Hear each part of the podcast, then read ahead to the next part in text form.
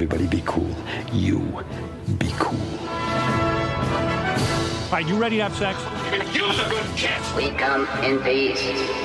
We come in peace. You are the motherfucking Antichrist! We're gonna let you go, okay? Ok. Film er best på radio. I'm gonna make him an offer he can't refuse. Nova Noir. Hallo, hallo, og velkommen tilbake igjen til ditt favorittfilmprogram her på Radio Nova. Det er som vanlig tid for Nova Noir! Woohoo! I dag så har jeg med meg to medlemmer fra redaksjonen, og det er Ludvig Wiltil Halla. og en av våre nykommere som har sin debutsending i dag, Johannes Bjørang. Hallo, det er meg, Johannes Hallo. Bjørang. Så hyggelig. Jeg håper jeg sa det riktig. sant? Du sa det kjemperiktig. Perfekt. Mm. Deilig. Eh, så hyggelig. I dag så skal vi jo ha eh, en sending som vanlig, men vi skal ha om et tema som jeg i hvert fall er veldig gira for, og skulle ønske vi snakket litt mer om på lufta enn det vi gjør. Og det er eh, animasjonsfilm. Jeg skal ikke si hvilke filmer, men vi skal ha en litt sånn eh, gjennomgang av de forskjellige typene animasjonsfilmer som finnes der ute. Eh, blant annet da stop motion og eh, 3D-animasjon. Eh, så får dere tenke litt om hva, hva kan vi snakke om her i dag. Vi skal også ha besøk av arabiske filmdager i dag, og det gleder jeg meg veldig til. Så det blir et lite intervju med de om en liten halvtime. Før det så får dere sett sin sist stikket vårt, men en låt. Sett siden sist. Sett siden sist. Sett siden sist. Sett siden sist. Sett siden sist. Dere hørte i hvert fall Down and Within med Magnus Beckmann. Og vi er videre på vårt faste stikk som heter Sett siden sist. Og Johannes, siden det er din aller første sending, vil Oi. du fortelle oss hva du har sett siden sist? Jeg har sett så mye, fordi jeg har hatt eh, Jeg måtte forberede meg til Oscar-utdeling. Så jeg har, eh, jeg har rast gjennom filmer det siste uka. Vi hadde jo eh, Oscar livestream mm. natt til mandag, da det var Oscar-utdeling. Så hvis du var sjuk nok i huet til å være våken fra ett til fem om morgenen og høre på oss, så var jeg faktisk på den sendingen. Så da kjenner dere meg allerede. Mm. Men jeg kan jo kjapt gå gjennom alle filmene jeg har sett de siste fire dagene. Eh, Women Talking, Flashdance, Banshees of Inisherin, uh, Everything Everywhere. Eh, The Whale, og så etter det så begynner jo selvfølgelig de filmene vi har om i dag. Men eh, det skal jeg ikke Ikke spoil, da. så ikke spoil det. Ikke spoil. Jeg var grådig skuffa over nesten alle Oscar-filmene jeg så. Jeg synes nesten, Serr? ja, jeg synes Var ingen du? var, ja, jeg synes Banshees var- også? Ja, ja. Jeg digger Banshees, Altså, den var, den var kul, men det var ikke helt min greie. liksom. Men jeg hadde ikke sett noen filmer av han regissøren før. Så det var min liksom, introduksjon til den. Jeg husker ikke hva han heter akkurat nå i farta. Martin McDonough. Ja, Er det han samme som har innbrød? Yes. Ja, og den er jo jævlig bra! Men jeg, jeg, så jeg, jeg hadde ganske store forhåpninger, og så ble jeg litt knust, Ja. dessverre. Men av Mm. de du nevnte, da, hvilken er det du likte best?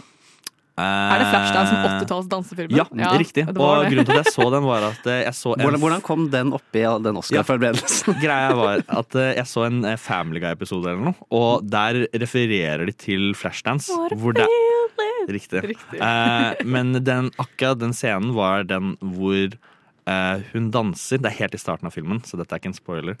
Eh, men eh, i hvert fall, det er når hun danser, og så setter hun seg på stolen, og så åpner hun det vannet Ja, så, ja, som detter over hele henne. Som er en veldig ikonisk scene. Og da begynte jeg å se den, og så bare så jeg hele filmen. Ja. Ja, det var ikke sånn veldig bra. Men, Nei, det eh, tror jeg jo. Den sangen er gjerne banger, da. Men Mye, eh, mye bra dansing, mye bra hår. Det tror jeg på. Det kunne de på den tida. Men utenom det så var det ikke sånn veldig mye innhold. Så du har sett uh, mye midt på tre-film i det siste? Veldig mye. Ja, faktisk. Sånn, jeg, jeg tror jeg har gitt mest score fra mellom én og tre og en halv. Oi, oi, oi, oi. Mm. Én, du er streng, ass. Ja, jeg er streng som faen. Én for meg, ikke midt på tre. Så da Nei, er det da, du suger. Ja, det er en ja, nei, det, var, det var mye dårlig, ass. Dessverre. Mm. Hva med deg, Ludvig? Hva har du sett siden sist? Uh, Nei, jeg må egentlig tilbake til Oscaren hans, fordi jeg syns det er litt jævlig at uh, at Banshees ikke vant noe, og at uh, Nå blir det beef her. uh, at Avatar 2 har blitt en Ja! Oscar- Oscar-vinnende film. Ja, det var jo det fra før av, da. Den vant jo to Oscar i 2007. Ja, men uh, vi trengte ikke flere, liksom. Jo.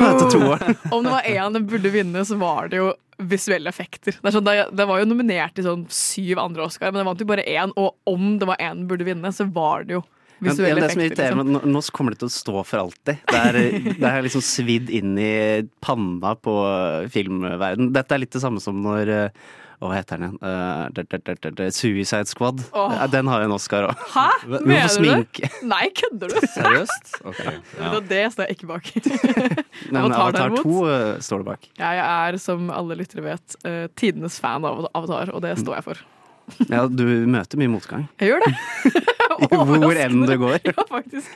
Det går bra. Du henger kanskje litt i feil miljø her, Jeg gjør med litt sånn pompøse film. For jeg er litt Bros. drittsekker. Vi har litt drittsekkfaktor alle sammen som er med i dette programmet her. På, på hver vår måte. En fellesnevner er vel at alle hater Avatar, bortsett fra, Bortsett fra meg. Nei, Ja, riktig. Vet du hva, det står jeg for.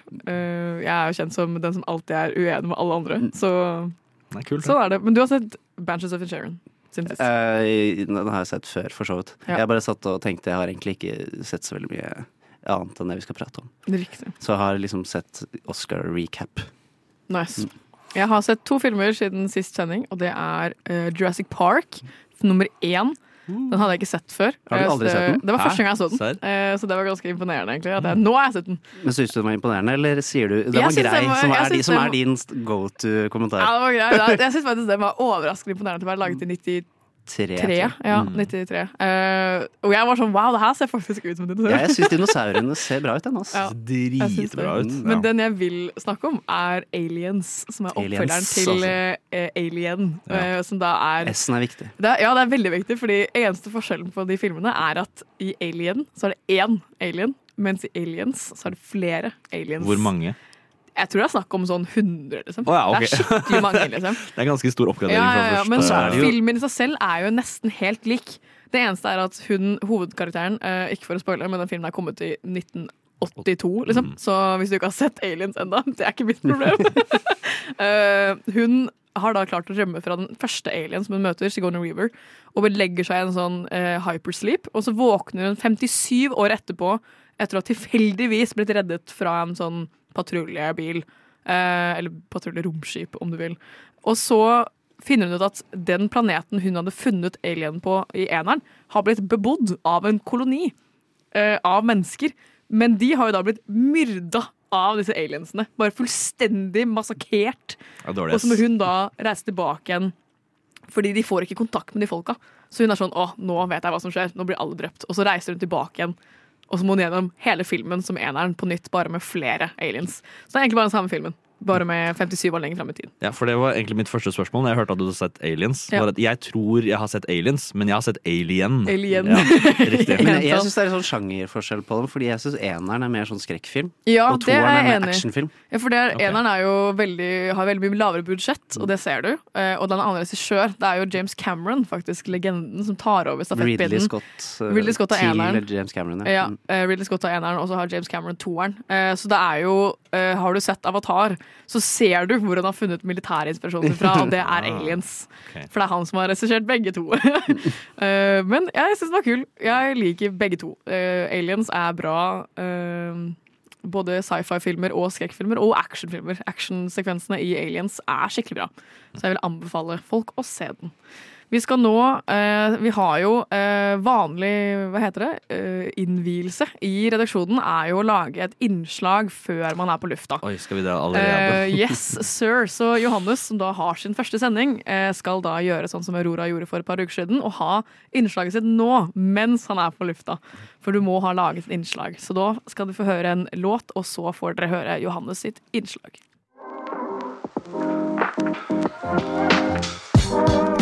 Nova Noir. Film på radio. Hver torsdag 10 til 12, eller i din podkast-app når som helst. Donde Estala la biblioteca?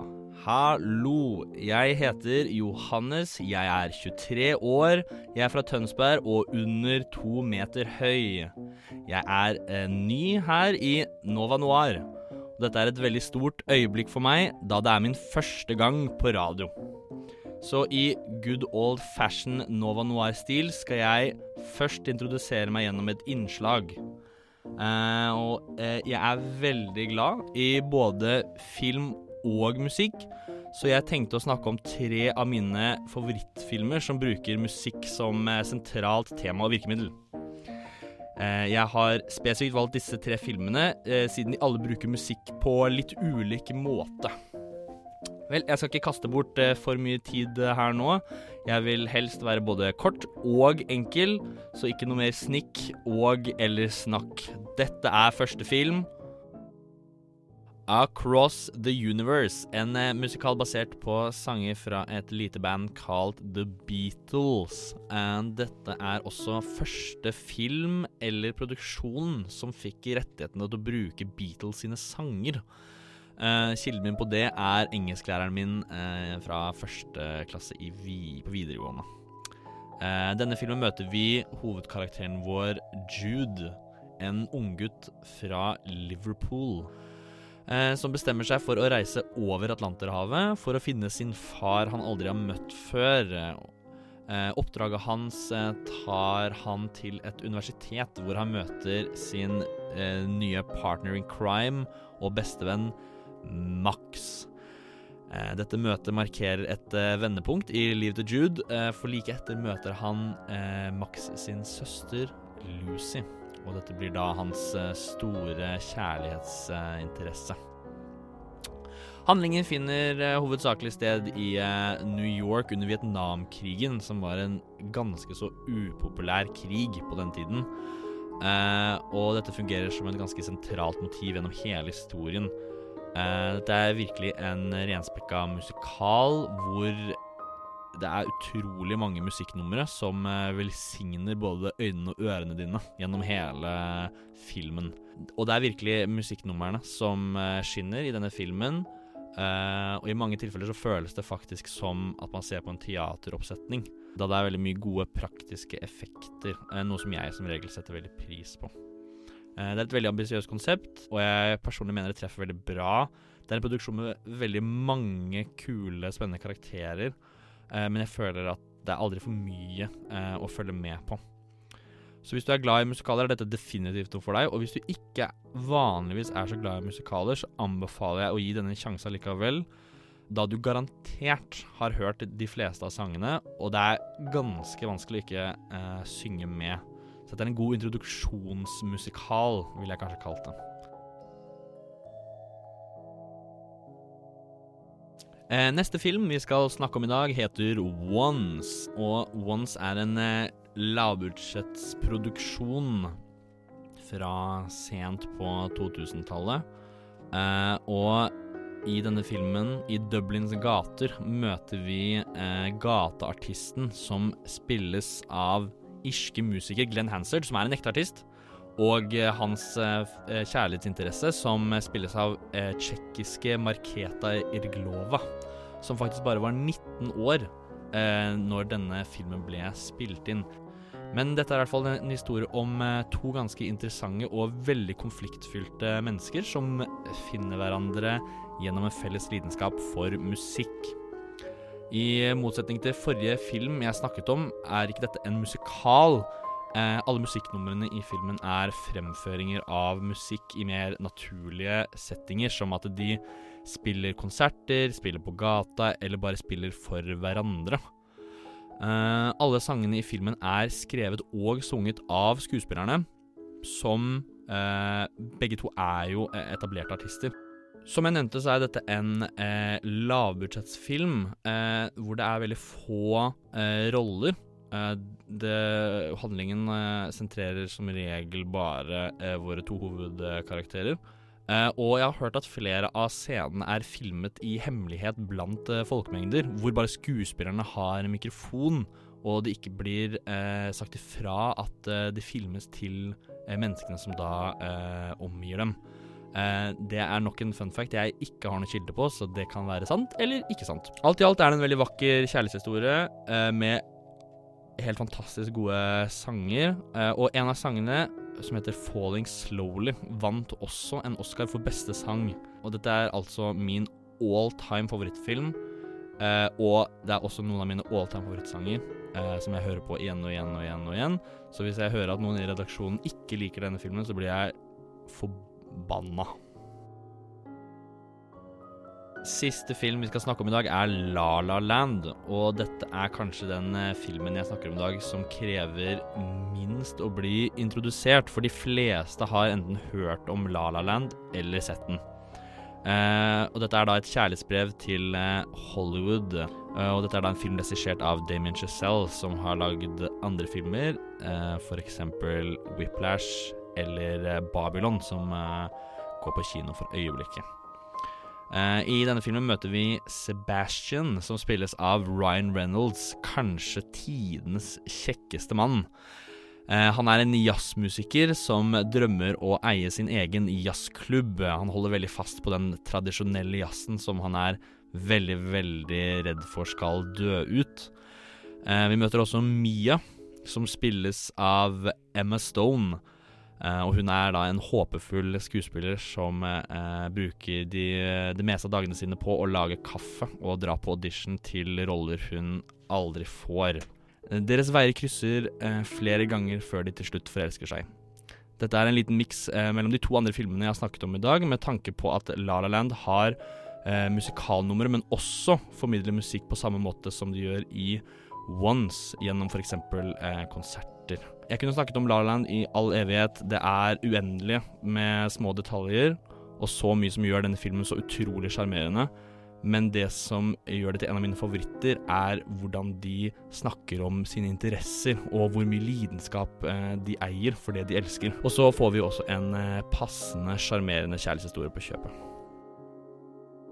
Det var alt jeg hadde uh, til dere for i dag.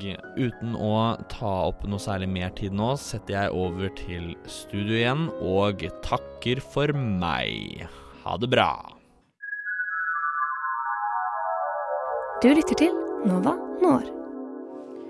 All right, I'm just gonna start this in English just from the start because we're now gonna have two visitors from the festival Arabian Film Days, if that's I can probably just translate it that way. And we have two people uh, here in our studio right now, one who speaks in English, so that's why I'm doing this in English. Do you want to quickly introduce yourselves? Yes, um, I can start. I'm Jenny. I'm 22. I'm a student in Oslo. So, and right now I'm doing an internship at the film festival. So I'm doing like their media stuff, their social media, stuff like that. So it's really, really fun. I'm really enjoying it. Nice. Good morning. Thank you for having us. I'm Linda. I'm a festival programmer. I work uh, with the Arab Film Days in Oslo this year as a co head of programming. This is my first experience here and my first experience with the festival. I work um, in many other festivals in the Arab world as well, but um, this is particular and um, exciting to be here. That's nice. What uh, what is uh, Arabic Film Days for the people who don't know? Uh, Arab Film Days is a, a festival who promote Arab cinema. Uh, so this year there is 24 films will be screening screened. Uh, we started yesterday the opening. It was um, pretty impressive uh, with a beautiful film, Boy from Heaven um, from Egypt, and um, we have several programs, diversified program between documentaries and fiction, and uh, a lot of films uh, were screened uh, in prestigious festival category A, like Venice, Cannes, Berlinale, uh, in 21 and 22, um, and also awarded. So um, we worked hard on having an eclectic, diversified program. Um, specifically for the Norwegian audience because it's quite different to program films for um, you know diaspora um, European people audience uh, because the perspective is not the same when you are in uh, in Arab countries. So. Uh, yeah, basically this is uh, what we do, and um, we have special program for um, like a school screenings that started yesterday morning. Uh, it was beautiful because um, we had nice feedbacks, and um, and one of the one of the kids, uh, student, not kid, I'm yeah, I'm very old, so yeah, for me there are kids. so he said um, his teacher asked him, "What what did you like about the film? Tell me about the film." It was uh, Memory Box, the Lebanese film, and he said, "This is a film about love." And that was really moving for me, you know. It's like, wow, I've seen did that, one actually. That's really Yeah. a great movie. yeah. So we were really moved yesterday morning but after that. And um, there is uh, also a special, um, not focus, but special program with uh, films from uh, Kurdistan. Uh, also um, a tricky, uh, complicated um, country, region of population, let's say, of the world. So um, yeah, yeah. But uh, you talked a bit about the films you've had. Uh, how do you like choose the films? Are they sent to you, or do you find them yourselves, or how is the process there? Yeah, with Per Erik, the director of the festival, we uh, start working uh, in September, and uh, we there is no call. I mean, people don't submit their films. We um, go through festivals and uh, our network. So uh, we we we do a very very long list, and then we had a lot of meetings, Zoom meetings, to discuss every film. And um, yeah, we ended up having this program. Uh, as I said, it's um, it's not just about picking a film. It's really about understanding um, the message and how and why we want to program this film specifically. And also, um, this festival is important, uh, as we were saying yesterday, because also we want to show that the Arab cinema is not only about problems, classic social issues, and uh, and the things that we um, hear, hear and uh, and see in the media.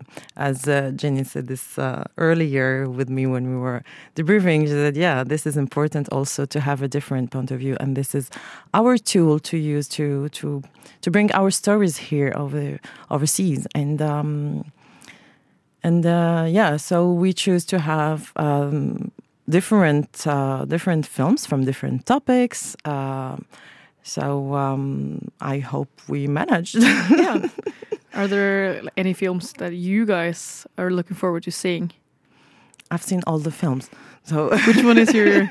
What about you, Jenny? Which which one is your, like your favorite one or top three? Uh, I have not watched as many movies yet of the program. I've watched a few. Um, I watched Boy from Heaven on the opening yesterday. It was a really nice movie. I really liked it. It's screening two more times this weekend. Uh, one today and one on Sunday. And also, I'm really looking forward to Blue Captain. It's gotten a lot of good feedback. And I'm also really excited for Harka. It's not getting that much attention, I think, but I'm really, really excited to see it. I think it's going to be a good movie with like a really good story, which I think is important to tell. So I'm, yeah, I'm really looking forward to that one. That's nice. We're gonna keep uh, this interview going uh, for a bit longer, but first we're gonna hear a song. What? Radio Nova. Then we're on for the second half of our interview with Arabic Film Days. And I have some couple of questions since most of our listeners are students.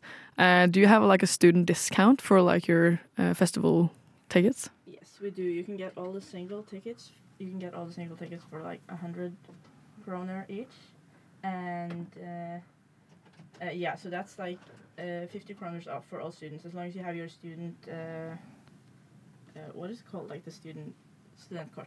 Oh yeah, Yes, yeah. student card. Yeah. yeah. As long as you have that one, you get the tickets for 100 kroner. And all our films are screening at Vika Kino. I don't think uh, we can hear you on that microphone. Do you mind? Just a bit of a technical issue here.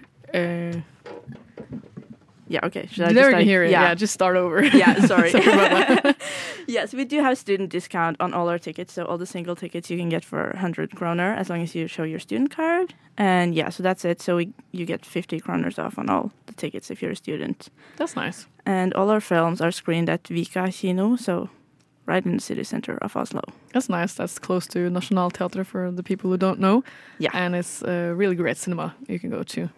So that's good. Uh, do you have like any expectations for how many people are going to show up? Because it's been, uh, uh, as we all know, a global pandemic for the last three years. Do you how do you expect many people to come, or do you feel like it's going to be like a um, it's gonna be like a what is it called? Uh, result from not having the festival for so long that not people that people are not gonna know about it. Um, a bit of both. Like we're really hoping to see a lot of people coming in. Um, but as you said, like we have seen a decrease in people, and cinemas in general have seen it. Like it's hard getting people back into the cinemas after the pandemic. Pandemic, uh, for several reasons. Um, but yeah, but it seems like it's going back up. So we really hope to get back to the place we were before the pandemic, as audience-wise, and it's looking really good so far. That's good. Yeah. I have one last question because our theme for this show today is uh, anima- animated movies, and you have one animated movie on your film list, which is uh, the du- Duonia and the Princess of Aleppo. Do you want to talk a bit about that one?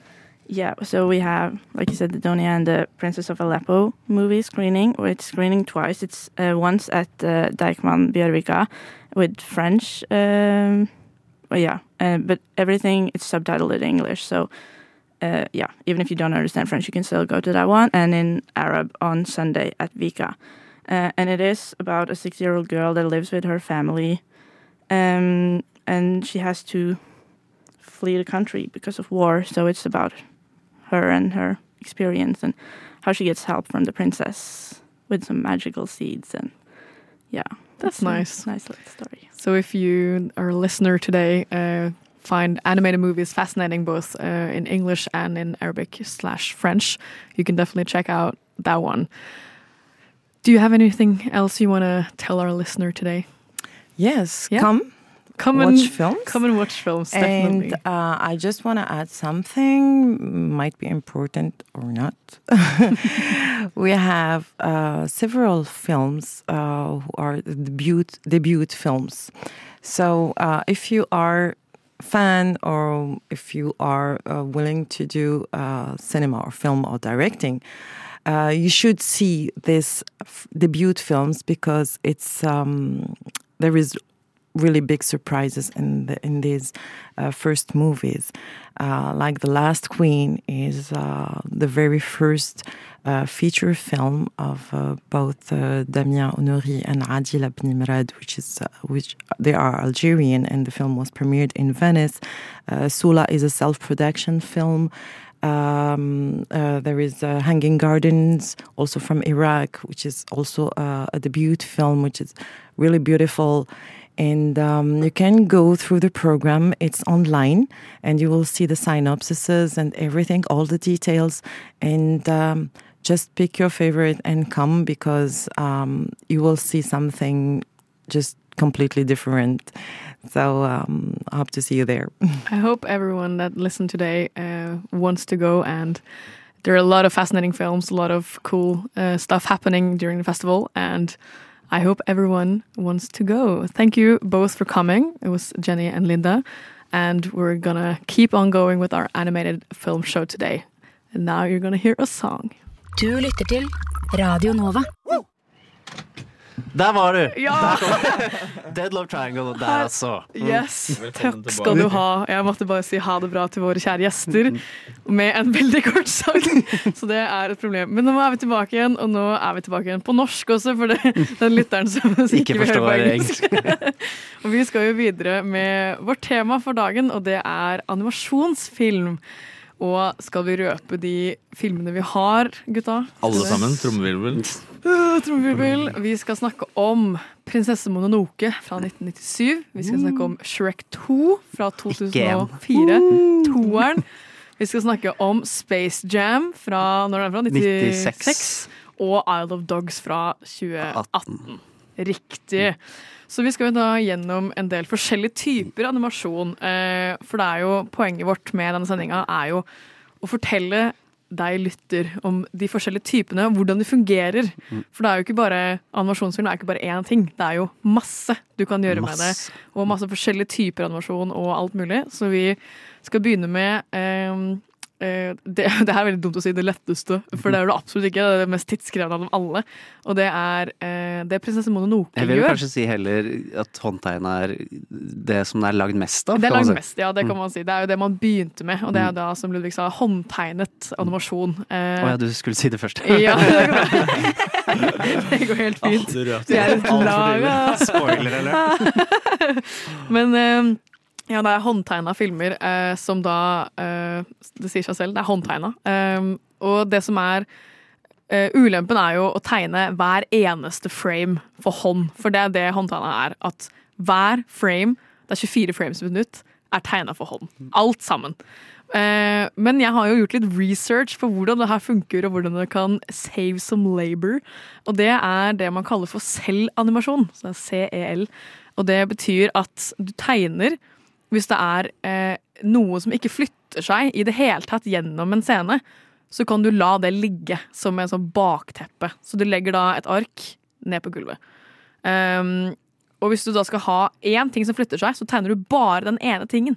Og ikke alt annet. Du trenger bare å tegne en Hvis du da setter en tallerken på et bord hvis at de går bortover og sånn, så Ja. flytter du bare på ben. Helt korrekt. Eh, eller hvis du har et bord med eh, bestikk som du skal legge fra deg, så kan du la bordet være backdrop og tegne det én gang.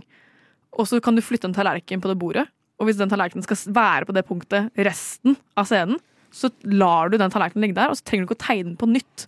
Så fordelen er at du slipper å tegne de tingene som du ikke skal flytte på, flere ganger enn én gang. Så du klipper og limer litt, men sånn Riktig. bokstavelig talt? Ja, klipp klipp og lime. Eh, og jeg har også funnet ut at eh, i gamle dager, i Disney-dager og sånn, så var det veldig vanlig å bruke om de bakgrunnsteppene i Ja, fordi de satte jo sånt i system. Riktig. Og det hvem har sett en sånn dokumentar om det av Disney, og de, har sånn, de legger på sånne lag for å få dybde, og så ligger de lagene veldig langt fra hverandre. Men eh, de, de reuser mye, så det er mye sånn himmel og fjell og sånn som er like i fem Ja, Disney-filmer Ja, fordi sånn. de, de hadde sånn arkiv, så de kunne bare plukke fram eh, solnedgang. Her har vi en. Ok, whatever, legg den bak. Og det går sånn, og, sånn som Ludvig sa, å tegne, men da tegne oppå eh, alle konturene på et annet lag. Sånn at fargen er bakerst, og så ligger konturene framme, så det ser ut som det er veldig mye mer dybde i bildet enn det egentlig er. Så det er da en illusjon. Eh, Mononoke, som da de fleste andre, andre Studio Ghibli-filmene, er tegna på akkurat den måten, så det er håndtegna. Eh, men eh, fordi eh, det, mange av delene, sånn som eh, denne demonen som tar over kroppen til hovedrollen, den ble 3D-animert, og så ble den rendra til 2D for å se mer kompleks ut enn den hadde klart å bli håndtegna. Så 10% av Mononoke er da 3D, men gjort om til 2D igjen, eh, hvis det gir mening. Det er bare sånn reverse engineering. Riktig. Eh, og det er jo egentlig Jeg syns det er fascinerende at det er liksom Alt er håndtegna, bortsett fra sånn 10% av den som er sånn snik inn litt sånn her og der. Men eh, eh, Miyazaki er jo skikkelig, skikkelig streng på sånn, og vil ha så lite som mulig 3D-animert. Så han er veldig sånn 2D-stand. Han skal ha det i 2D, liksom. Ja, fordi når du nevner det, så, så skjønner jeg at den er 3D-animert, Mm. det du snakker om, men jeg tenkte ikke på det Akkurat når jeg så filmen. Det. Mm. Så når du sier det nå, så gir det veldig mening, men det er ikke noe jeg hadde kommet fram til selv. Nei, nei, nei. Men da har dere lært litt om 2D-animasjon og håndtegning. Vi kan jo gå videre til deg, Johannes. Du skal jo fortelle oss om uh, Shrek 2, og, uh, som er den beste av Shrek-filmene. ja. Men hvordan er den lagd? Hvordan er den lagd? Den er eh, 3D-animert, så den er full, full Det er vel eneste film som er fullstendig 3D-animert, som vi skal snakke Ja. om i dag. Mm. Så da er det, det er på en måte datagenererte karakterer. Alt er skapt på data, alt er animert på data. Og så tas det opp av virtuelle kameraer. Mm. Så det er ganske mye som går inn, til, inn i det, å lage 3D-animasjon. Og For jeg- du lager vel en sånn, et sånt skjelett Mm, du lager et med skjelett alle også. lemmene og eh, leddene og sånn, og så styrer du den liksom Det er litt sånn, sånn digital stop motion. Uh, Ja. mm, 3D-animerte figurer ser jævlig skumle ut i, i, når, de er, når de er sånn 50% ferdig. Har dere Ja. sett sånn bakomfilm? Hvis, du ser, hvis du ser på Det sånn lilla klass Ja, det er night. Hadde jeg jobba med det, det Ja. hadde jeg Nightmare ass. Når du, de eh, Monsterbedriften oh, Hvis dere har sett de ja. tidlige Ja. Fy faen, og så er det litt sånn eh, Det er jo veldig mye som gikk inn til det å lage alt det håret. Og rendre alt det håret. Altså sånn eh, laste ned alt det håret. Det håret er sjukt, altså. Det er Når, jævlig når det er 20 år siden. ja. Det er jævlig vilt. Og Disney gikk jo hardt ut for å liksom lage programmene som ble brukt i Det, det er på en måte Det er jo ikke lagd Før Disney gjorde det, så har det ikke vært gjort før. Ja, samme Ja. Tangled og håret til Ja, Rapunzel. ja. det, var Det sånn, var det var jo en egen entity, som de kaller det. For Mm. håret er som en frakobla del av henne. Det er jo en levende skapning. var det, var det som den filmen som hadde, sånn, som hadde et eget sånn lite team bare til det? Ja, stemmer.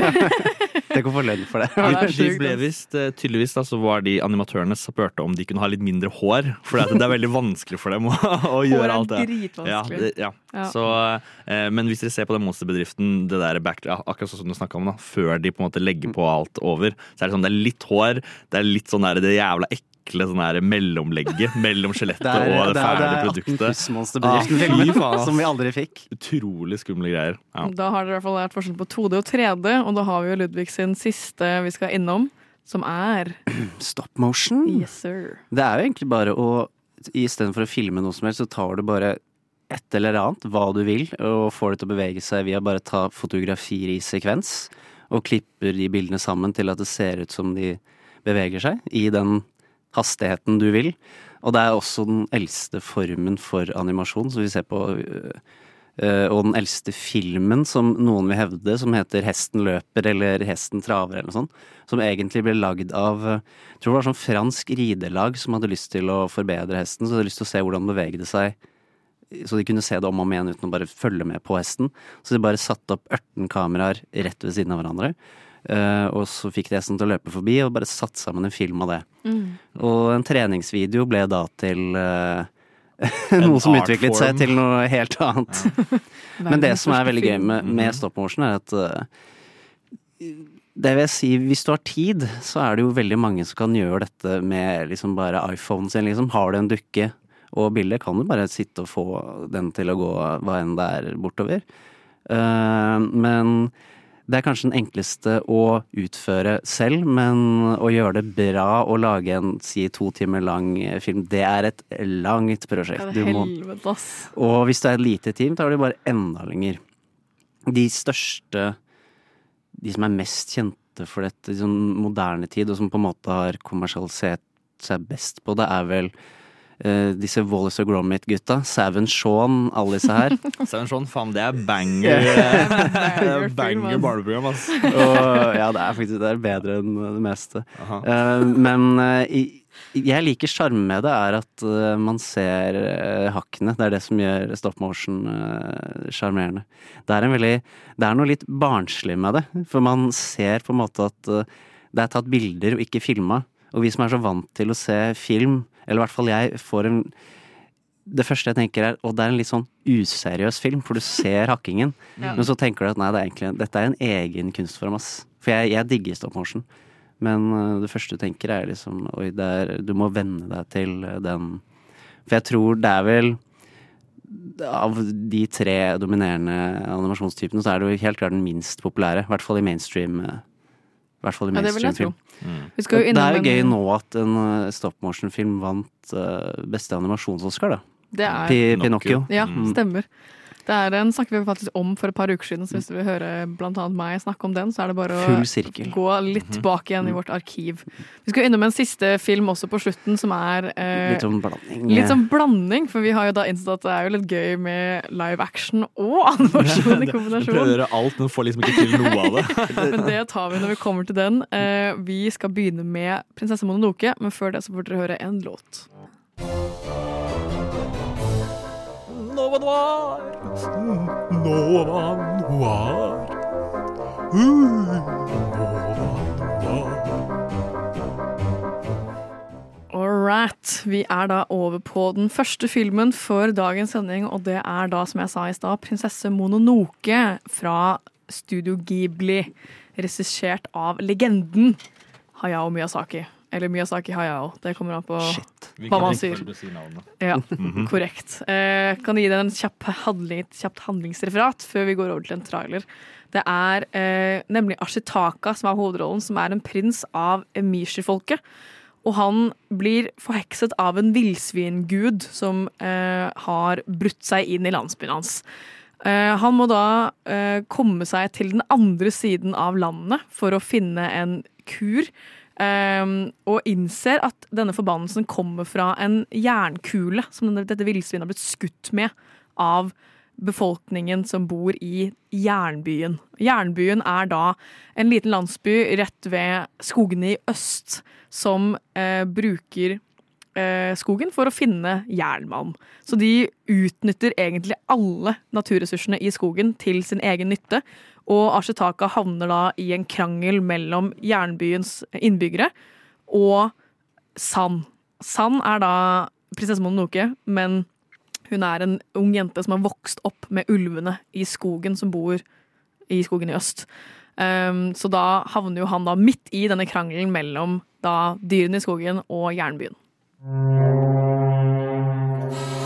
a time when gods walk the earth, an epic battle rages between the encroaching civilization of man and the gods of the forest. When the forest has been cleared and the wolves wiped out, this place will be the richest land in the world. Now, the fate of the world rests on the courage of one fearless princess I'm not afraid to die, and I would do anything to get the humans out of here. and one brave warrior. You fight like a demon, boy. Like something possessed. What exactly are you here for? Det var, det var rart å høre Ja, det, det stemmene på engelsk. USA sin tolkning av den filmen Det er ikke representativt. Nei. altså. Eh, se den på japansk, viben, vær så snill. Ja, se den på japansk. Please, den er på Netflix. Ja, dere Har dere sett den før, eller var det første gang dere så den? da? Jeg har sett den eh, en del ganger før. Mm, jeg var heldig nok til å ha en stemor som var veldig veldig opptatt av uh, Ghibli-filmer. Så jeg ble introdusert ganske tidlig. Fordi, ja, så jeg så det i barndommen. Og så er det jo et sånt Det er et ganske stort kulturelt fenomen. da. Så jeg har sett det ganske mange ganger opp gjennom åra. Dette var vel tredje eller fjerde for min del. Jeg liker også Ghibli, liksom. Så Det her var også tredje eller fjerde gangen for meg, men uh, den er så ikonisk at det var liksom Det sto mellom den og liksom Shiro-heksene, liksom. Mm. For det er bare de to som er de mest liksom, erketypiske Studio Ghibli-filmene.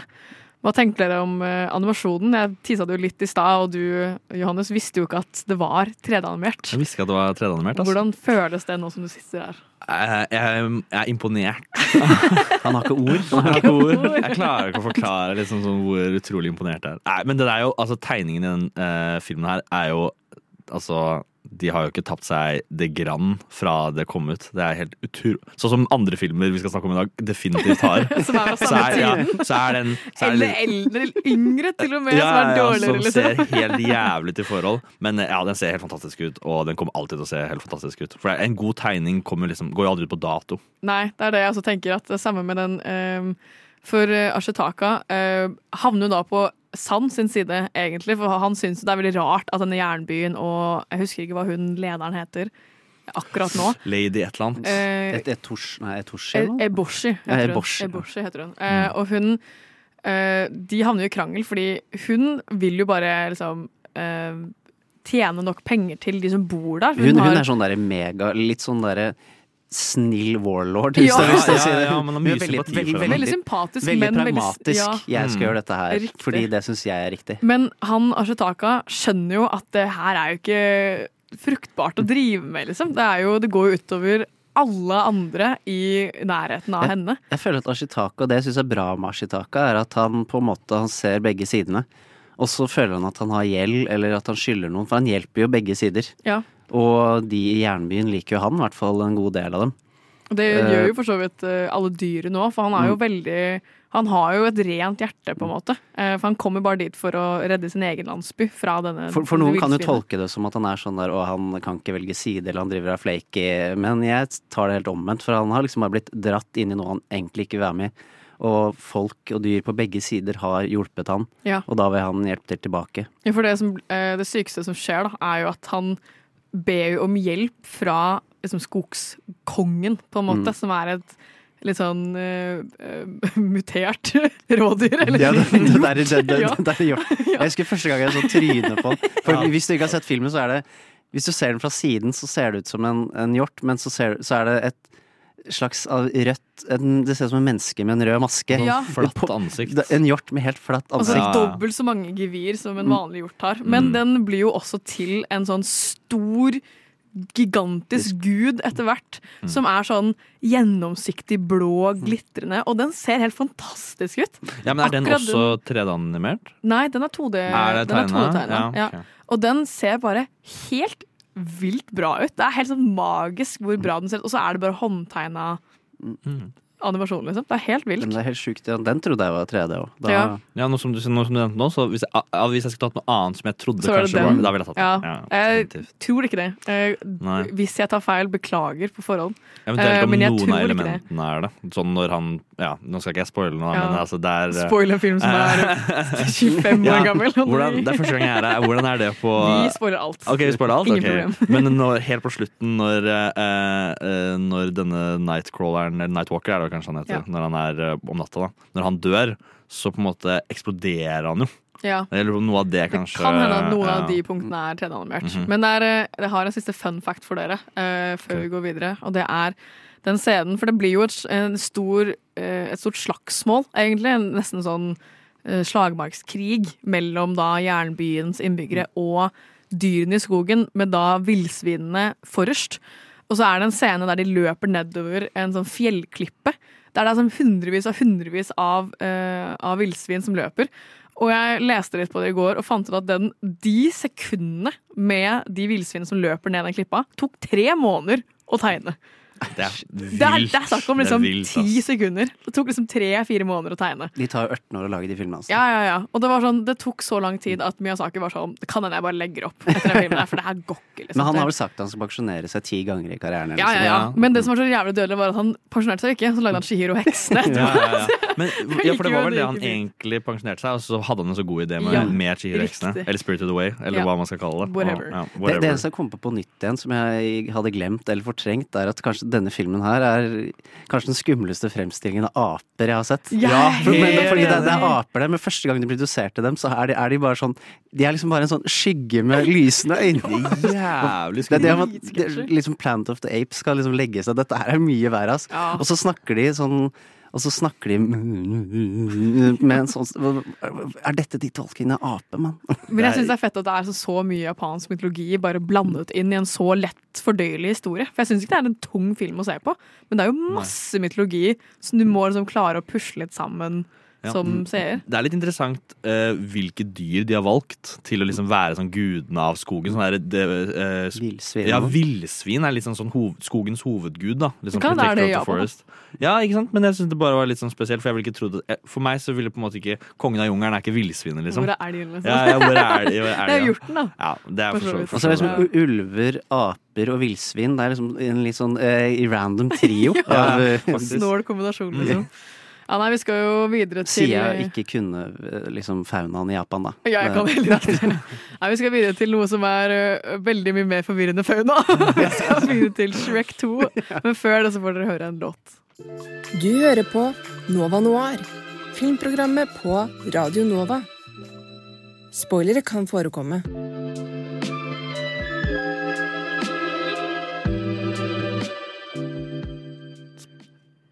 Vi er da videre på uh, vår neste film, som er Shrek 2. Johannes, take it away. Take it away! OK. Uh, hovedrollen Shrek uh, spilles Eller er jo Vi tar de norske stemmene, vi. Og det er jo selvfølgelig Asgeir, sjefen av alle sjefer. Legenden. Ja, Rocketegn på den. eh, som spiller Shrek. Ja. Eh, og så er det Irén Reppen, som er stemmen til Fiona. Eh, så er det selvfølgelig Thomas Giertsen, som er den legendariske stemmen til Esele. Eh, og så tar vi også med Pus med støvler. Det er Henrik eh, Mestad. Ja, Han jeg trodde var Jo Nesbø i mange år, fordi han bare er på Harry Hole-bøkene. Og jeg var til at det er Jo Nesbø, for de ligner litt. Ja, det, er ikke, det er ikke riktig. Vil du gi oss et kort handlingsreferat før vi hører en trailer? Ja, jeg kan jo, eh, det er jo eh, Vi får vel egentlig ganske godt innblikk i hva det handler om i traileren, men det er jo da Shrek og Fiona har gifta seg. Som, eh, det er jo det første filmen ender med. Eh, Og her så får man liksom et sånt innblikk i honeymoonen deres, eh, før de da blir invitert til å komme hjem til eh, kongen og dronningen av Langt, Langt, langt borte. borte. ja. eh, som da er foreldrene til Fiona. Så er det litt sånn konflikt i om de skal dra eller ikke. Og det passer kanskje ikke helt idealprinsbildet til kongen og dronningen. At mannen Fiona kommer hjem med, er et troll. Så da oppstår det kanskje litt konflikt, da. Så vi får høre på traileren nå. Kjære Fiona. Du inviteres herved til slottsball i anledning ditt giftermål. Vi ser frem til å møte din drømmeprins. Skulle ikke hun kysse prinsen og bryte forbannelsen? Ting kan jo ikke bli stort verre. Hallo, Harald. Vi to må snakke. Fiona og min sønn skal bli sammen. Unnskyld, jeg trenger hjelp til å bli kvitt et troll. Det er ikke så ille, Shrek. Det bare virker sånn fordi det er mørkt og det regner og Fionas far har hyra en leiemorder for knertere. Dreamworks Pictures presenterer Shrek. Shrek 2. Lykkelig alle sine dager, drikk. Gi meg den flaska! Esel? Du er en dolltingst, baby! Shrek er det, Shrek! Jeg drar over, jeg drar over, jeg drar over på stedet.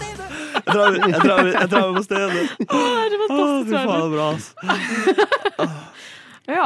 Mm, ja. Det er jo mye som skjer i den filmen. her Det er jo ikke bare liksom det at uh, Shrek og Fiona gifta seg, og de drar på bryllupsreise, og så blir invitert hjem. Det er jo masse som ligger bak her. Det er jo uh, Faren til Fiona har inngått en deal med den gode fe om at Fiona skal gifte seg med sønnen hennes, drømmeprinsen, som han heter. Det er navnet navnet han hans. heter Drømme. Drømmeprinsen. Mm, som er jævlig Hun, dødelig. hun er ganske, det er veldig usunt far Nei, for mor, Mor og sønn, sønn, sønn-forhold. ja, det Men det begynner jo med når du kaller sønnen din drømmeprinsen. Det er litt av et press å putte på barnet sitt. Og så er det sånn, det er det, og så leier jo faren inn kong Harald, som han heter, of course, uh, inn en leiemorder som da er pus med støvler til å knerte Shrek. Ja, det han går vil jo ikke ha jævlig Shrek dårlig, der, liksom.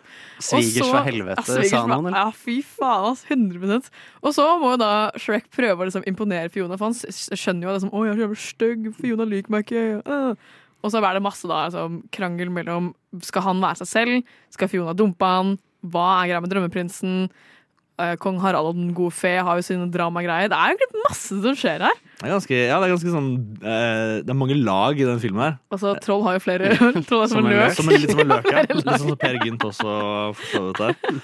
Eh, det er faktisk en Per Gynt-referanse. Det var en kompis av meg som ikke trodde på det. At, eh, Det er men det er det. Ja. Så Men sier de løk? Ja, løk, ja. De sier det. Det er sier løk, ja. Jeg syns det esel sier er bedre med hvorfor ikke bare kake? Alle liker kake. eller eller Men det, det, Pressis. Men det er jo fra eh, Shrek 1, som er en helt annen film enn den vi eh, snakker om nå. Ja, dette er Shrek 2. Eh, men det er jo det er, Shrek er jo ikke noe usikker på seg selv som troll. Han elsker å være troll. Det sier du i filmen også. Du elsker jo livet som troll. Jeg vet det. Eh, men, men eh, det er jo det at eh, han finner jo denne dagboken til Fiona, hvor hun på en måte har drømt seg frem som barn da, til å være gift med en, en type drømmeprins. Det, det, er, det er litt Mm. barnslig av Shrek å liksom gjøre et sånt stort uh, livsvalg og liksom bli menneske basert på noe hun Fiona skrev. Du var sikkert tolv år! bare liksom fra Du ti år gammel eller noe barnetegninger. Eller ser du på barnetegninger. Jeg vet ikke med dere, men jeg har også dagbok der jeg drømte meg fram til å være gift med fuckings Heath Ledger. Og Ja. sånn. det er jo sånn, han er jo død, liksom, så det, Ja, det er så bra ikke det, liksom. Men altså, jeg, jeg syns det er helt realistisk av Fiona å skrive Miss Fiona Charming i Mm. dagboka si, fordi metoo, altså Fiona drømmeprinsen, selvfølgelig. Hun har blitt stengt inn i et tårn av moren og faren sin. Hun fikk Og får aldri lov aldri til å lov til å være ute. overnatting hos Tornerose og sånn. Jeg skjønner, jeg skjønner at hun Han bare drømte seg bort da, når hun er 10-12 år. Of course. Ja, det gir jo for så vidt mening. det, det, det er rart at Fiona er eh, sosialt kapabel til å gjøre noe i, i det hele tatt. Har du egentlig. venner? Ja, Å for så snakke vidt. med noen. Ja, ja, ja. Det er for så vidt ganske sant. Hun har kommet seg ganske helskinnet fra å bli sperra inne for hele, ja, hele livet sitt. Jeg syns den kommentaren hun kommer med etter krangelen til Shrek og Fiona, der han er bare sånn 'Jeg er et troll, og det er ingen bedring i sikte'. Og hun er bare sånn 'By the way, jeg endret meg for din skyld. Tenk litt på Ja. det.' Og han bare knekker helt sammen. Det er sånn, vet du? Det er, you go, girl. Det er helt sant. Er det, er det toeren nå? Jeg er et somtroll! Nei, det er det første. Det var smooth ja, check. var. Jeg er et dumtroll. Nei, øh, men hva med animasjonen da i Shrek 2? Åh, er stygg, ass. Det er så stygg. Men, og og vers versjonen på Netflix er ordentlig dårlig. Den er, Synes du ordentlig, det? ja, den er ordentlig stygg. Den er Eh, Nå trodde jeg jo satt og var i- sarkastisk, men Nei, nei, nei. Eh, Så, eller, ok, så eh, Animasjonen er ganske imponerende. Altså, det er jo bra animasjon. Det er bare at den er ikke så veldig pen å Men de har bare på. klart å ikke ha sånn Uncanny Valley. Det er bare det jeg tenker på. Ja, ok, Det er for så vidt sant. Bortsett fra jeg synes når Shrek blir eh, eh, spoiler, menneske, i denne, i denne filmen, så syns jeg han ser litt ja, snål ut. han, er- han, er, han er det rareste mennesket Fordi han er liksom fortsatt troll. Det, det, det, det er ingen, de er fortsatt kjeven som er liksom én meter bred og sånn. Mm. Han er sånn, jeg ser for meg et menneske ser ut hvis man kaller noen et troll. Så Ja. synes jeg han ser sånn ut Ja. Og da syns jeg det ikke passer helt at alle disse damene han møter, blir helt sjarmert av hvordan han ser ut. For han han er- ser hvordan gæren ut. Han er jo ikke fin på altså, håret engang. jeg synes jo også Drømmeprinsen ser skikkelig gæren ut. han han er ser jo jævla snål ut, Men han er liksom. psyko, da. Ja, han han og mora er jo Det er bare så jævlig dødelig, den scenen der eh, For uh, de, inn, de klarer liksom å kidnappe Shrek og ta han vekk fra liksom deres eh, si, forlovelsesfest. Sånn at drømmeprinsen da later som han er Shrek. Og så går de ned den trappa fra slottet en ut på liksom det dansegulvet vi skal ha. Og så ser bare Fiona på han og er sånn Hva er det du har på leppene? Og han er bare sånn Det er kirsebærlippgloss. Vil, vil du smake litt? og det er sånn Å, Ja, fy. Og han ser så stygg ut. Akkurat i den scenen ser han sånn uncanny Han lager sånn trutemunn og Ja. Han er så jævlig ekkel type. Han er nasty, Åh, ass. ordentlig ekkel type. Hater han. Men det er sånn, jeg syns for så vidt animasjonen er, selv om det er enkel og det er bare en hest og en rotte og en katt og noen mennesker, det er fortsatt liksom Jeg syns ikke at den ser 20 år gammel ut. jeg, jeg, jeg, jeg tror at uh, Fordi Dreamworks hadde ikke For Pixar-filmer så jo og ser alltid bedre ut med sine samtidsanimerte filmer uansett. Og jeg tror det Shrek gikk for, var å være litt røffere, i hvert fall i språket. Liksom prøve å komme seg litt høyere på Dette kan prøve å få med seg voksne på litt mer. De gikk for å ta manus og karakterer da, og litt mer sånn metahumor. Musikk. Men fordi Pixar, Ja. Pixar og Disney må jo på en måte lene seg i en slags Disney-mal. Mm. Mens her har de fått litt friere tøyler, og det tror jeg De har gjort det for å gjøre opp for litt dårligere grafikk, da, for å ikke bruke gamerspråk her. Men, Jeg har en liten fun fact apropos Shrek. Fordi eh, alle vet jo at Shrek ser litt rar ut, og det er Mm. sånn, veldig sånn gjenkjennelig animasjonsstil. Eh, men eh, Shrek 1, det her er om Shrek 1 da, verdt å merke, den ble jo laget i 1998, om jeg husker riktig. Eh, og samtidig som den filmen, så lagde Dreamworks også Prinsen av Egypt. De ble Oi! laget samtidig. Den kom i 97, og Shrek kom i 98. Og jeg har funnet ut at uh, alle de som var liksom, etablerte, gode, anerkjente animatører, ble satt på Prinsen av Egypt. Men hvis du dreit deg ut på Prinsen av Egypt, så var straffen at du skulle begynne å jobbe på faen. For det var liksom lamert og litt dårligere og ikke så prestisje som da Prinsen av Egypt, for det er liksom den store filmen til Dreamworks. Men så har jo Shrek da bare truffet sånn suksessen så midt i blinken etterpå. Og blitt liksom en av verdens mest kjente animasjonsfilmer.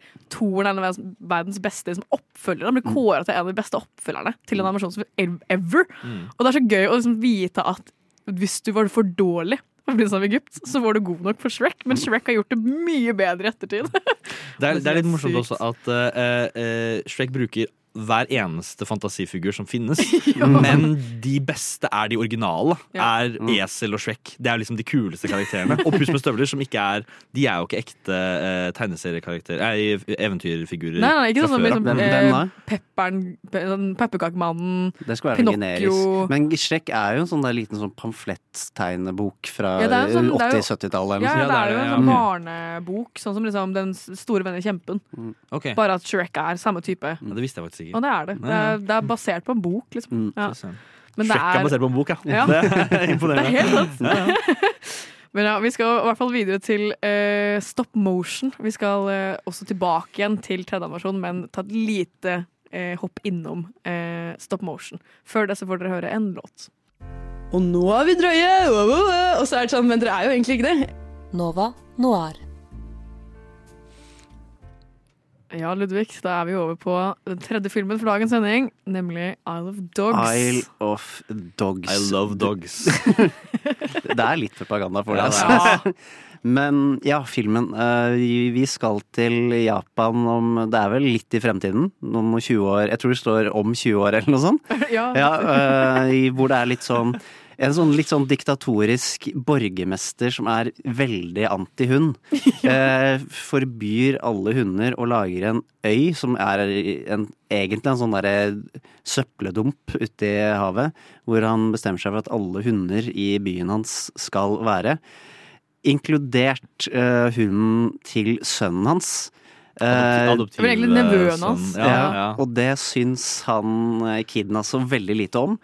Så han eh, flyr rett og slett til denne øya for å finne hunden sin, men eh, i, og vi eh, blir jo bedre godt kjent med en gjeng hunder som skal hjelpe han å finne sin hund Spots. I don't think I can stomach any more of this garbage. Exactly. Same here. Words out of my mouth. Nobody's giving up around here, and don't you forget it. Ever. You're Rex. You're King. You're Duke. You're Boss. I'm Chief. We're a pack of scary, indestructible alpha dogs. Atari Kobayashi, you heroically hijacked a junior turboprop XJ750 and flew it to the island because of your dog. Ja, og eh, hvis man er kjent med Wes Anderson sine filmer, så er jo dette veldig Wes Anderson bare i stop motion. Oh, ja. Det er hans andre stop motion-film etter Mikkel Rev fra 2009, så dette har han gjort før. Den vi også snakket om en annen gang for et år siden, så hvis du hører meg også snakke om den Du bare var der hele tiden. Jeg elsker animasjonsfilm. Konklusjon. Eh, Men jeg syns det går veldig bra her, og, og høydepunktet for meg her sånn teknisk sett er bare bevegelsen til hundene, syns jeg er Det er lættis i seg selv. Jeg synes nesten Den fysiske humoren her er nesten morsommere enn manuset. For sånn hvordan hundene ser så lost ut, og egentlig er jævla dumme som hunder er. At de har all fokus på samme sted. Og øh, blir helt øh, si, Fokuset forsvinner på øh, siste og beste som lager lyd og sånn. De, de er veldig artikulerte. Men de snakker jo som hunder, da. De forstår ikke hva De bor jo i Japan, men de prater engelsk. Eh, Men vi som seere forstår hundene, men ikke menneskene, vi òg. Og alle menneskene prater jo japansk, stort sett, bortsett fra en amerikansk student som prater engelsk, som på en Mm. måte blir oversetteren for oss. Eh, eh, og japansken her er jo ikke tekst, da. Nei. Eh, fordi vi, alle, he, hele publikum, prater jo dog. Så ja, vi er en del av hundene, ja, liksom. vi er en del av hundene, ja.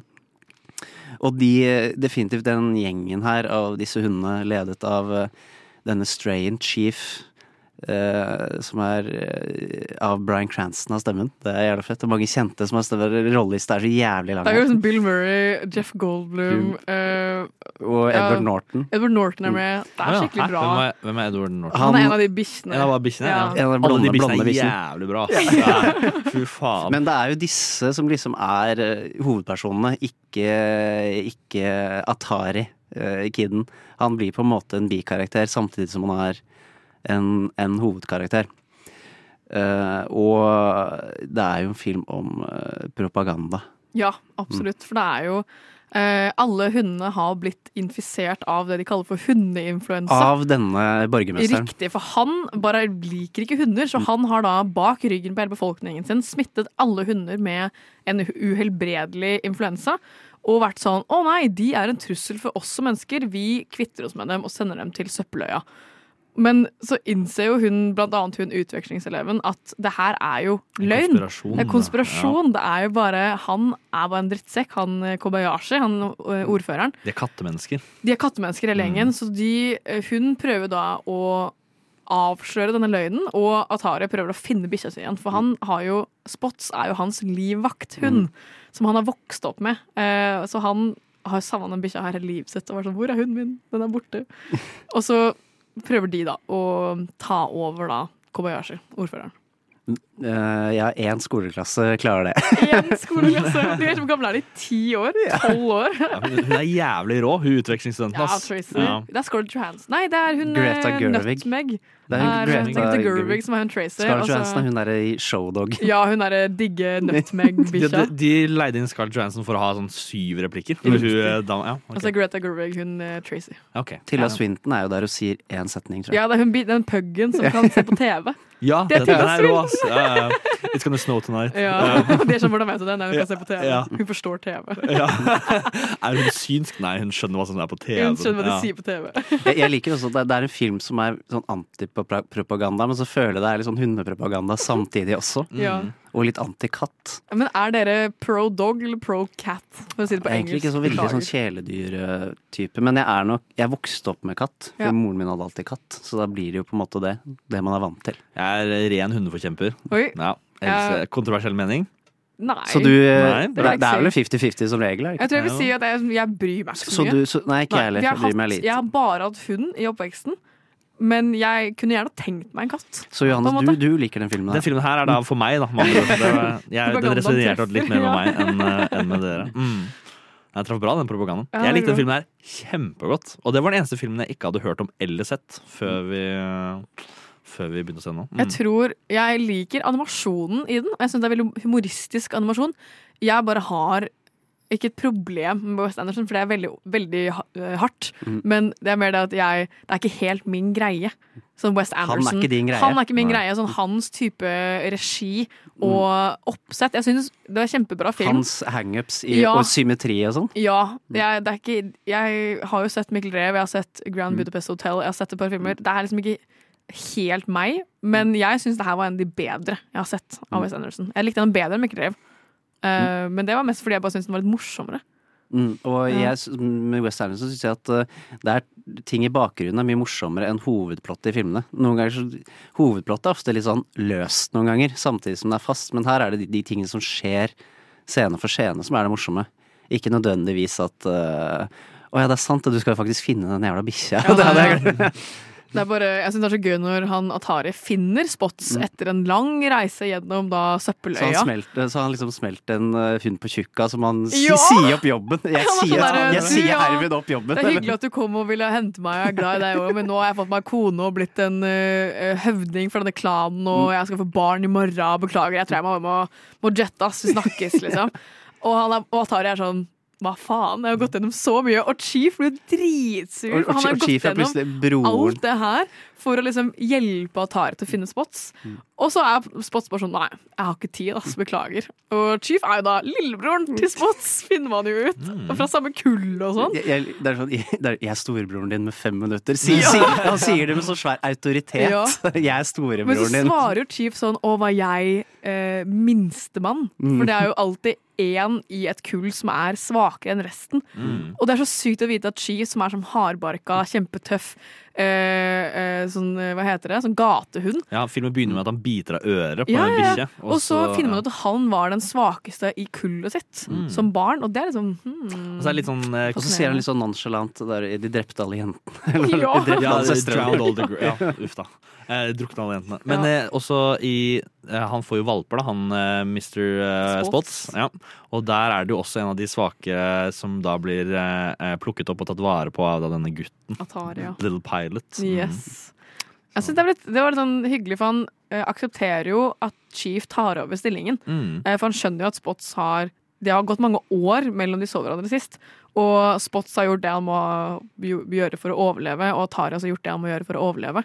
Og jeg skjønner jo da at eh, Spots er sånn Jeg beklager, jeg kan ikke bare legge fra meg alt jeg har her nå.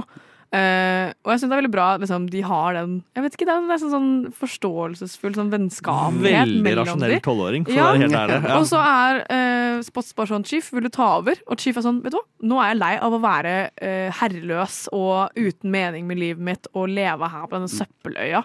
Ja, vet du hva, jeg gjør det. Jeg blir veldig glad i den gutten. Og så liker jeg de, der, de er menneskelige, men de er fortsatt sånn hundesyke. At de, Ja. nei, men at de gjør det første og beste de blir bedt om, Ja. og glemmer det som har skjedd før. Sånn som den første gangen når han Chief får en sånn hundesnacks, så bare Ja. spiser det bare dette er det beste jeg har spist. Da. Nå, er sånn, nå, er det, nå er dette favorittmaten min. Ja, punktum. Nå, ja. Jeg syns det, det var en veldig søt film. Jeg, synes, jeg vil anbefale folk å se den her. Egentlig Mm. alle de tre vi har snakket om nå. Jeg tror både- hund mot katt eller dyreelsker eller ei, så er det noe å hente. Det er morsomt. Absolutt. Mm. Det maler ikke egentlig katter i så dårlig lys som Nei. vi får det til å høres ut som nå. Nei, nei, Men det er, det er mer sånn hundehat. sånn, men det er sånn i Japan så er jo katter satt på en pidestall. Ja. Sånn, det er noe religiøst eller åndelig, Det jeg. blir sånn som i Egypt, liksom. Mm. At kattene var Mm. en slags gud, Mm. eh, og hunder ikke. Um, men jeg, jeg ser den filmen her. Jeg syns den var veldig søt. Vi skal videre til en litt uh, annerledes animasjonsfilm. Vi skal til Space Jam, men før det så får dere høre en låt.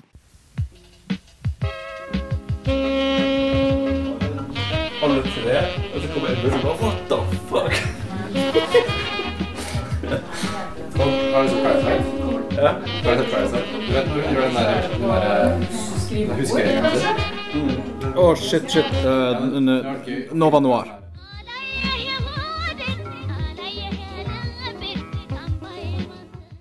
Right, vi er da over på den siste filmen for dagens sending, nemlig Space Jam. Yes. Og Space Jam handler jo om Peak kunst. Peak Ja. kunst handler om vår kjære, elskede Michael Jordan.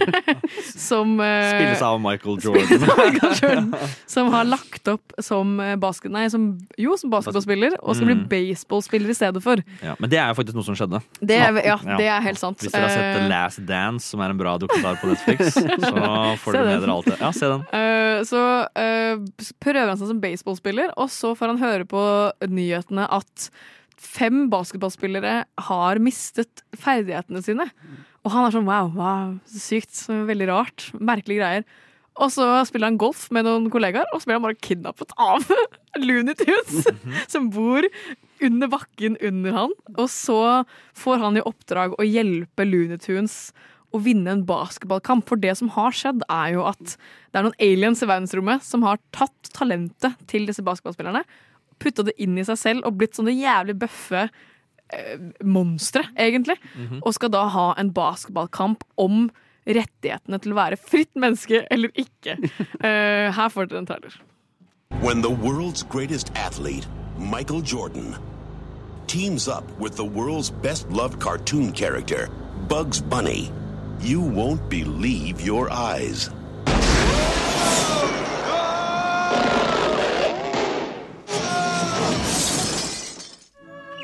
Eh, uh, Pardon me, Mr. Jordan. Could I have your auto, auto uh, your John Hancock? What's going on here? We need your help! You heard of the Dream Team? Well, we're the Mean Team.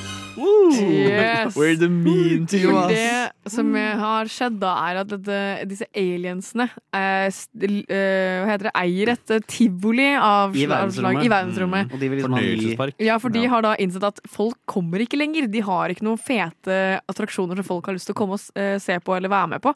Så de prøver da å finne noe nytt, og innser da at Looney Tunes er litt lættis. Vi kidnapper dem. Men de vil jo åpenbart ikke bli kidnappa og brukt som slaver til et tivoli, så de utfordrer dem da til en basketballkamp.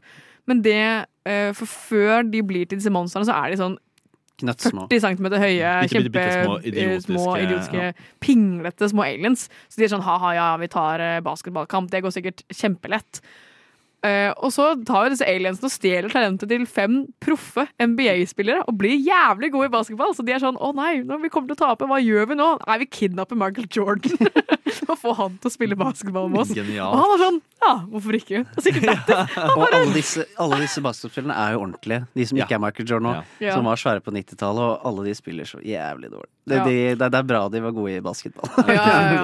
Skuespill er ikke greia. Ja, for det er akkurat det. Det er sånn det som er problemet med å kombinere animasjon og live action, er at de som er ordentlige mennesker, må jo snakke til sånne grønne Altså, blobber, hvis det, er, liksom. hvis det er en undersjanger du trenger gode skuespillere til Ja, er det det her, her. her spiller de mot seg selv, egentlig. Ja. Men her har du liksom noen idrettsutøvere som aldri har spilt for sitt Som liksom skal spille mot uh, ingenting. Ja, for det er jo For altså, Michael Jordan har én reaksjon. Uh, oi.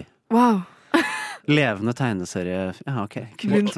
Hva gjør dere her? Ja, hva gjør dere her? Jeg tror han merker at det, det blir litt avslørt på slutten at det ikke har vært sånn superbra eh, eh, Hva heter det? Sånn kommunikasjon mellom skuespillere, regissør og produksjon, sånn etterproduksjon. Fordi når han da eh, gir dem en basketball med alle kreftene sine tilbake, så oppfører de seg som om det er veldig lyst. Så de er litt sånn wow! Ja, wow. Og, men det er så, det er så vidt den ballen gløder. Det er så vidt den gløder.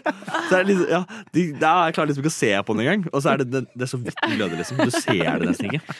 Så det er, det er, jeg merker at det er noe kommunikasjonsfeil her. Men, altså. men det er tatt snarvei, fordi eh, Michael Jordan var så jævlig svært navn på den tiden her at uh, du kunne komme deg vekk med, 90-tallet, med, liksom. med, vekk med latskap, liksom. Ja. Og sånne ting provoserer meg litt. Det, og, uh, filmer som undervurderer seeren, det provoserer meg litt. Absolutt. For da føler jeg meg sånn brukt. Hva du tror jeg er? At- Tolv år. eh, Nei, at jeg er i 20 IQ, liksom. Ja.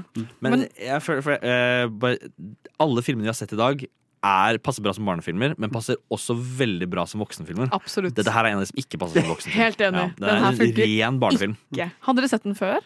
Eh, ja, jeg har sett den. begge fordi Mm. jeg så den for første gang i forgårs. Altså, jeg har hørt om den, aldri sett den. Nei. Og det var så rart å se den her som 23 år gammel. Første det var gang, ja. For første gang i mitt liv. Mm. Og det var sånn, altså hadde jeg vært åtte-ti år, sikkert lættis film, liksom.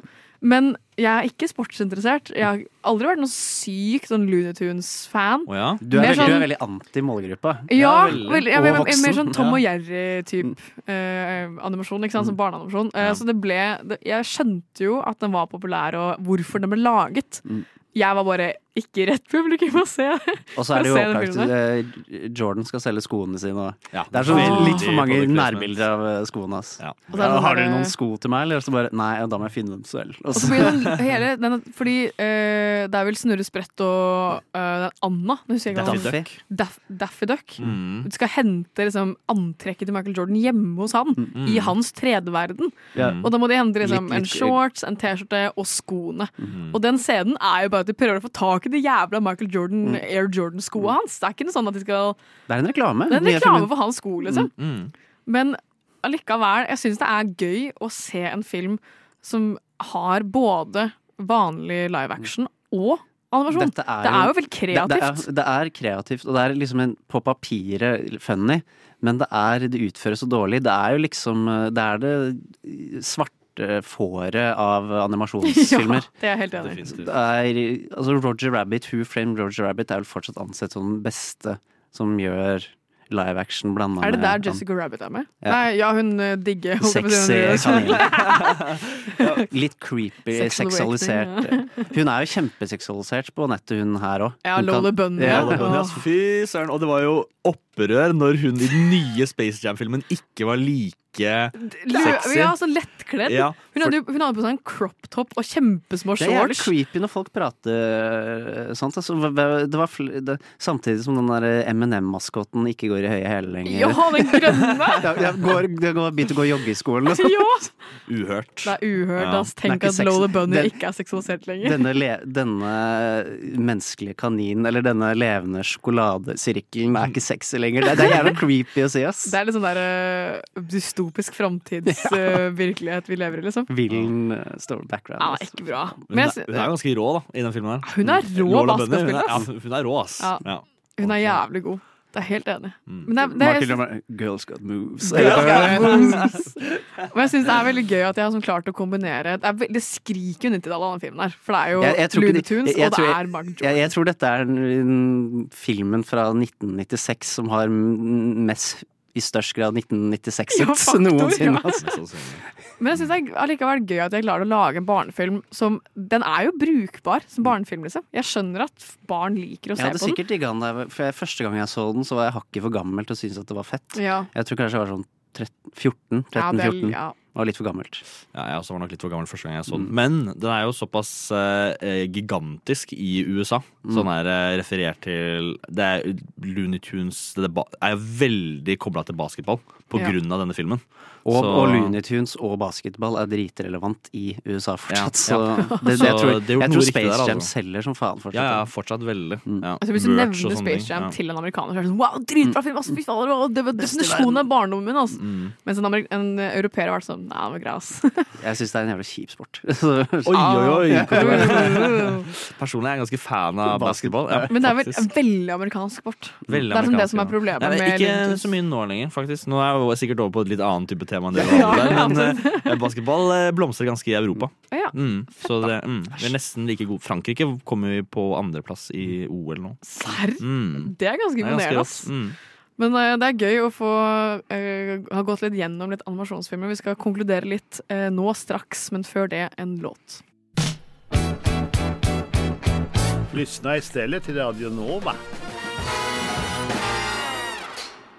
Vi har da kommet til veis ende i vår animasjonssending.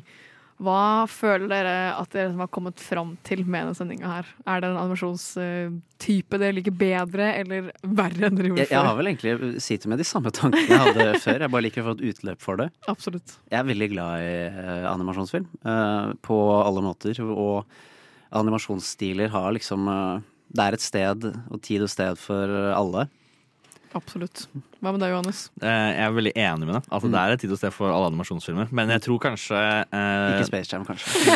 eh, Det var et tid og sted for det. Eh, det er ikke det, det, er ikke nå lenger. ass. USA 1906. That's it. That's, det er alt. Ikke, det trengs ikke lenger nå, dessverre. Heldigvis, kanskje. Eh, men jeg tror kanskje sånn tegne, tegnefilmer Det kommer nok for alltid til å gå ned i eh, historieboka mi. da Som det beste. Håndtegna, eller? Håndtegna.